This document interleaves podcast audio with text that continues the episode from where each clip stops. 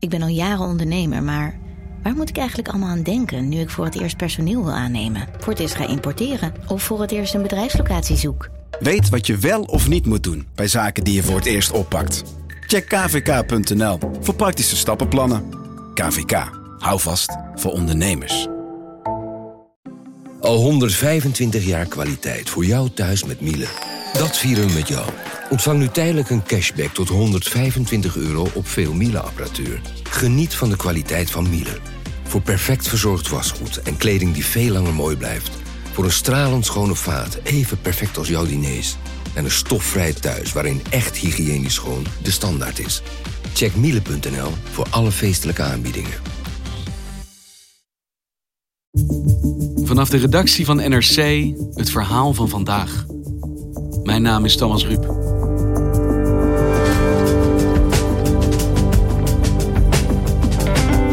De afgelopen tijd stonden verschillende klokkenluiders op binnen de Nederlandse politie. Met steeds dezelfde boodschap. In het korps heerst een cultuur van discriminatie, seksuele intimidatie en misplaatste loyaliteit onder collega's. En dat terwijl juist agenten nodig zijn met een diverse achtergrond. Waarom lukt het politie maar niet om te veranderen?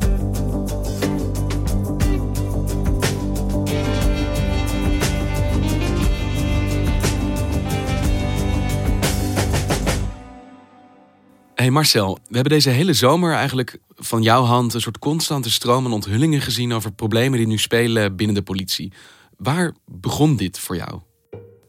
Deze zomer bleek dat er een brief was gestuurd door een politiecoach aan de minister van Justitie, waarin die melding maakte van eh, misstanden binnen de politie. Goedenavond. Een ernstige aanklacht tegen de cultuur binnen de nationale politie. Discriminatie, racisme en seksuele intimidatie bij de politie en een korpschef die vooral wegkijkt.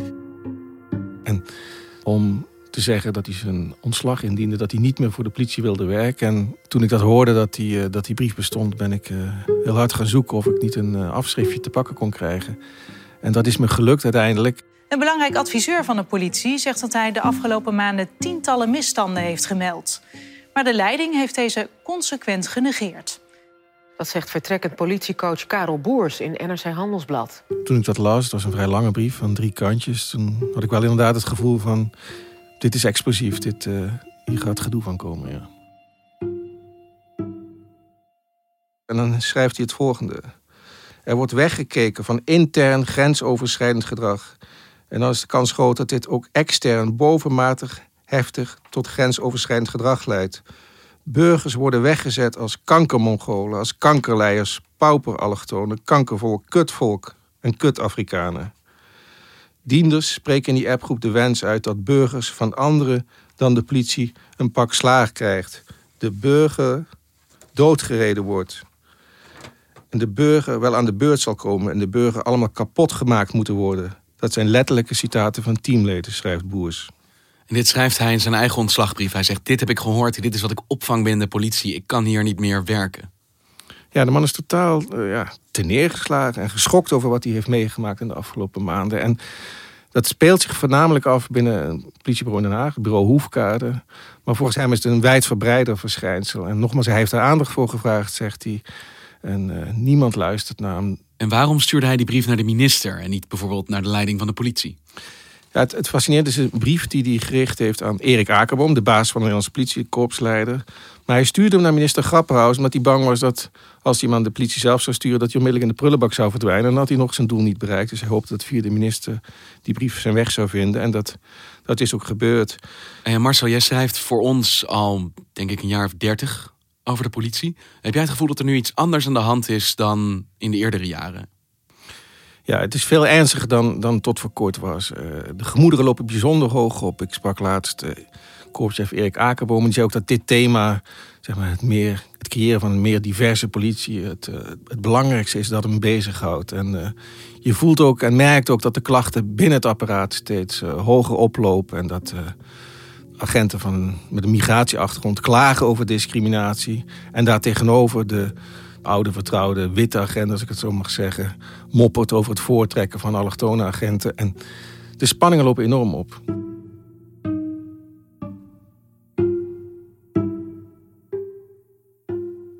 ongeveer tegelijkertijd met het bekend worden van de klachten van Karel Boers, de politiecoach, bleek dat er een, eh, een teamchef was van de politie in Leiden. Een teamchef, dat wil zeggen iemand die leiding geeft aan een eenheid van ongeveer 130 mensen. Geen onbelangrijke, geen kleine functie binnen de politie.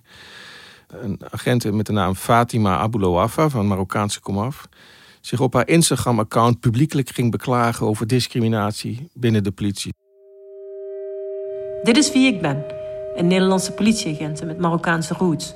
Trots op mijn uniform. Trots op het feit dat ik de gemeenschap kan dienen. Trots op het feit dat ik mijn stem kan laten horen en een verschil kan maken in deze wereld. Ben ik trots op alles? Nee. En dit schreef ze op een Instagram-account. Ja, Fatima Abu Luwafa heeft een eigen Instagram-account onder de naam The Rose That Grew From Concrete. En uh, is vanaf de zomer met enige regelmaat gaan publiceren over haar werk. En uh, ze, ze, kwam daardoor in moeilijkheden omdat... Uh, je mag wel klagen over de politie, maar hou het dan intern. Je mag de vuile was nooit buiten hangen. Dan ben je een verrader. Dan doorbreek je de solidariteit en de loyaliteit die je geacht wordt te betrachten ten opzichte van je politiecollega's. En haar gemoed na 25 jaar politiewerk was ook zo vol. En zij zit zo, ze is zo bitter geworden over incidenten die ook zij heeft gezien. Dat ze niet langer wilde zwijgen. Als intelligente, ambitieuze politievrouw ben ik zowel binnen als buiten de organisatie meermaals gedenigreerd, gediscrimineerd, geïntimideerd en uitgemaakt voor K-Marokkaan. Ik heb momenten gehad dat ik wilde stoppen, dat ik me afvroeg waarvoor ik het allemaal deed.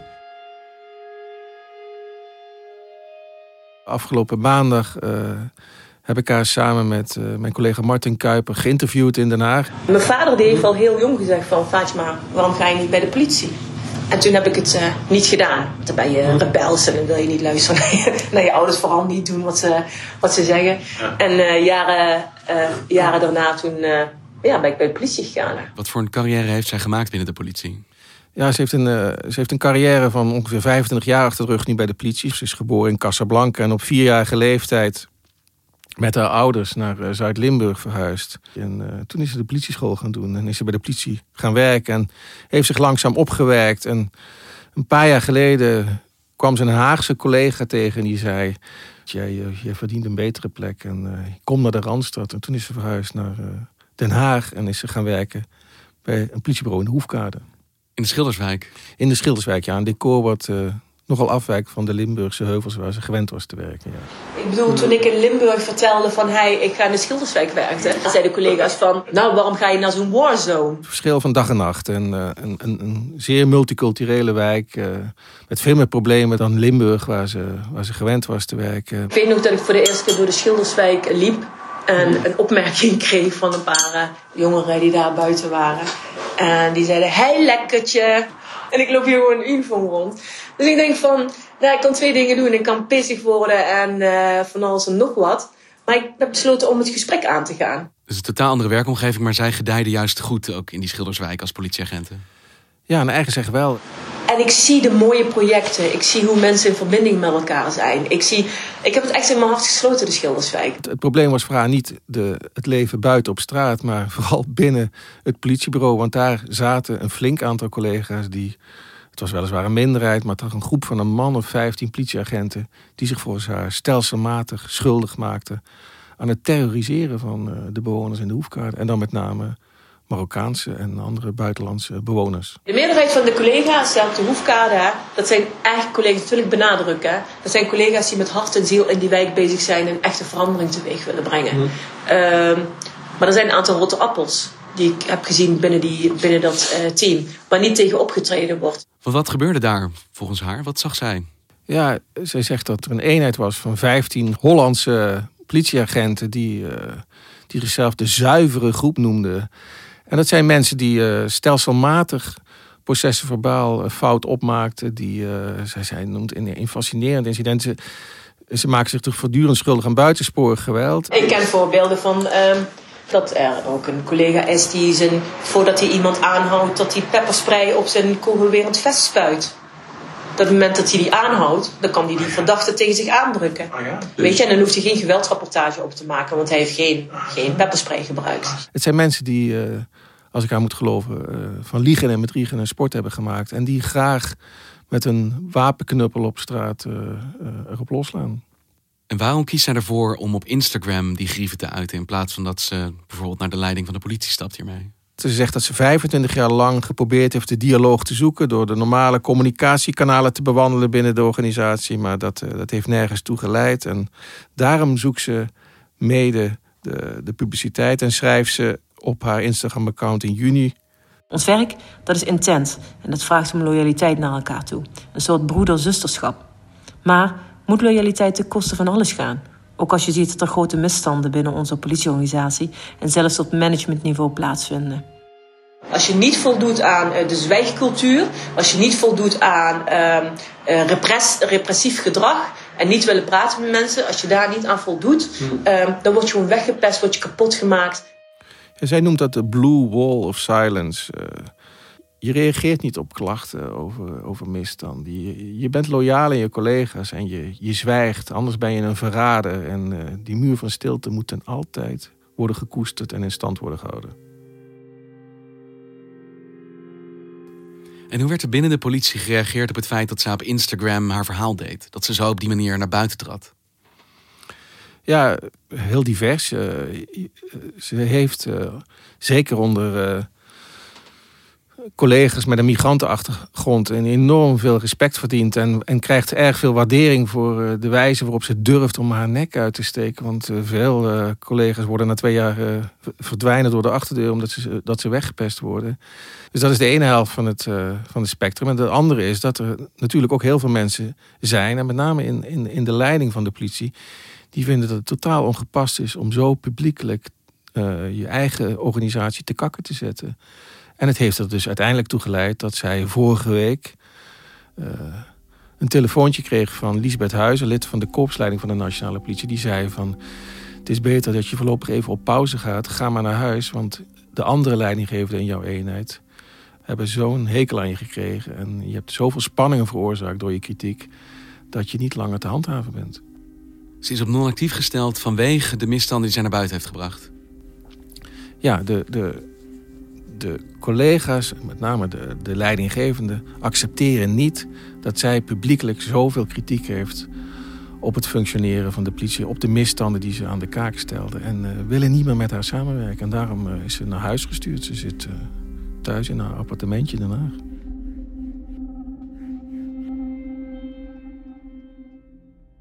Want we hebben dus twee mensen gehad die zeer publiekelijk naar buiten zijn getreden afgelopen zomer. Eén daarvan in zijn eigen ontslagbrief. En de andere zit dus nu non-actief thuis. Wat doet de politie dan met de signalen die deze zomer weer naar buiten zijn gekomen? Nou ja, één opvallend ding. Er gebeurt eigenlijk vooral niets. De, de huidige top van de nationale politie is toch voor een groot deel samengesteld uit een old boys netwerk van, uh, van voornamelijk mannen die elkaar heel lang kennen en die elkaar eh, vooruit helpen in het leven. Dus, dus er, wordt, er, wordt wel, er worden wel vrome woorden uitgesproken en ik geloof oprecht dat, dat de huidige korpsleiding van de nationale politie oprecht probeert om, om, om, om dat apparaat met een meer diverse samenstelling uh, van de grond te tillen. Maar helaas is de volgende reflex toch heel vaak bagatelliseren en zeggen dat het uh, ook wel meevalt en dat ook heel veel leuke dingen zijn bij de politie. En de pers moet niet zo negatief zijn. En uh, uh, nee, nogmaals, ze hebben de neiging om het kleiner te maken dan het in werkelijkheid is. Ja. Want deze problemen binnen de politie hebben het nieuws redelijk beheerst afgelopen zomer. Dus aan de ene kant die twee klokkenluiders die publiekelijk zeggen dit gaat er mis. Aan de andere kant de korpsleiding die zegt nou het valt eigenlijk wel mee. Het gaat best goed binnen de politie. Hoe is daar in het maatschappelijk debat op gereageerd? Is er vanuit de politiek iets gebeurd? Ja, de politiek heeft zich er zeker mee bezig gehouden. Ze hebben tientallen schriftelijke Kamervragen gesteld deze zomer. Deze adviseur-voorzitter die meldt tientallen misstanden van seksuele intimidatie, van aanranding, ernstige discriminatie tot aan valsheid in geschriften. Herkent de minister zich in deze misstanden en wat gaat hij hier aan doen? Die zijn ook onlangs beantwoord en door minister Grappenhaus, die uh, verantwoordelijk is voor de politie. Dit is wel een onderwerp waarmee uh, onze maatschappij hoe dan ook worstelt. En ik heb echt, zeg ik hier maar hardop, er vertrouwen in dat deze politietop met integriteit uh, probeert om uh, aan dat integere en inclusieve korps te werken. En het thema diversiteit en hoe de politie daarmee moet omgaan en hoe die organisatie misschien moet veranderen, speelt natuurlijk al veel langer. Je had eind jaren negentig dat programma uh, Roze en Blauw over homoseksualiteit binnen de politie. En wat gebeurt er dan nu op het vlak van diversiteit? Hoe speelt dat thema nu? Inderdaad, roze en blauw, dat is volledig geaccepteerd. Er zijn ook steeds meer vrouwen binnen de politie komen. Dat is een succesvol beleid geweest. Dus uh, er zijn uh, nu een drie of vier eenheden in Nederland die worden aangevoerd door een vrouwelijke eenheidschef. Dus dat is zeker een verandering. Maar het aantrekken van agenten, mensen met een migratieachtergrond, is een, nog steeds een heel erg groot probleem. En het is ook een steeds nijpender probleem, omdat de politie in de komende zeven jaar alleen al 17.000 nieuwe agenten moet aantrekken. Omdat die met pensioen gaan. Dus dit is eigenlijk het moment om die samenstelling van het korps te veranderen? Ja, dat is het moment om te zorgen dat je korps meer een afspiegeling is van de samenleving waarin ze moeten opereren. Niet alleen omdat de, de misdaad eh, veelkleurig en multicultureel is. En je dus praktische noodzaak hebt aan mensen die de samenleving beter lezen, beter begrijpen dan nu het geval is.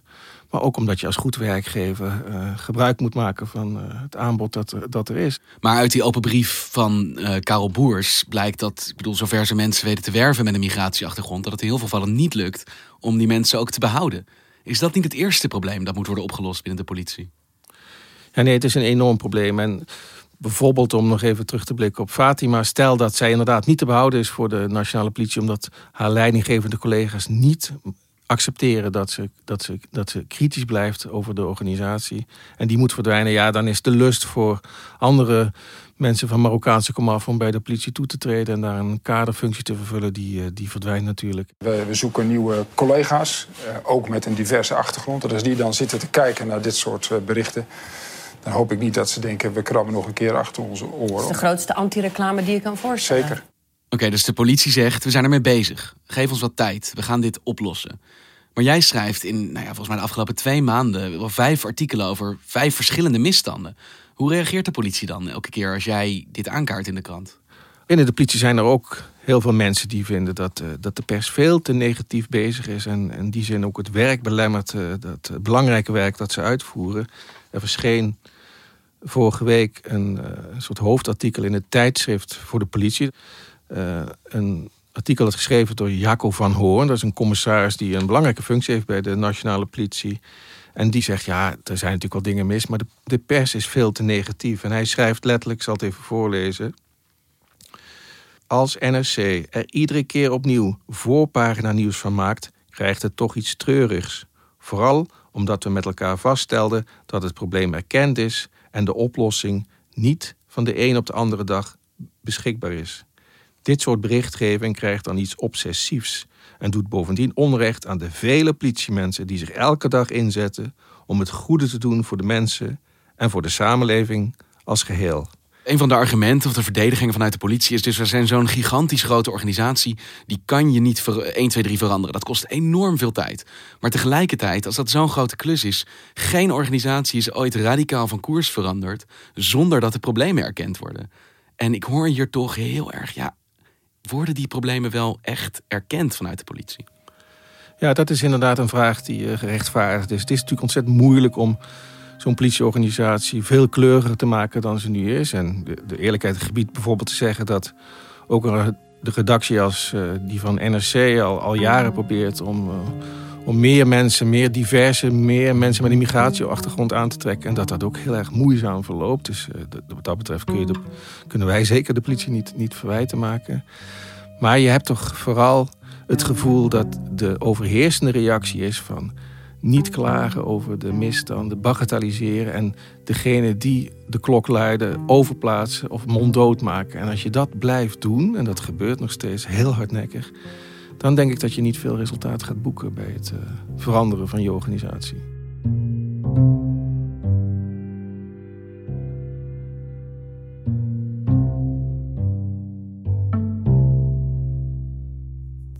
Dankjewel Marcel. Tot je dienst.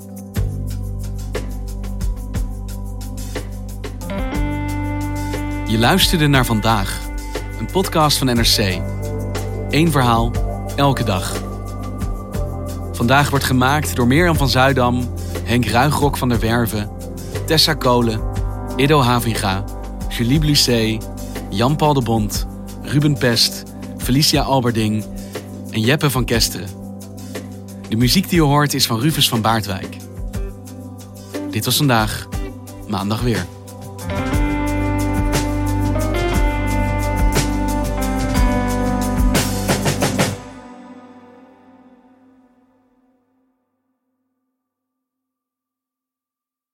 Technologie lijkt tegenwoordig het antwoord op iedere uitdaging.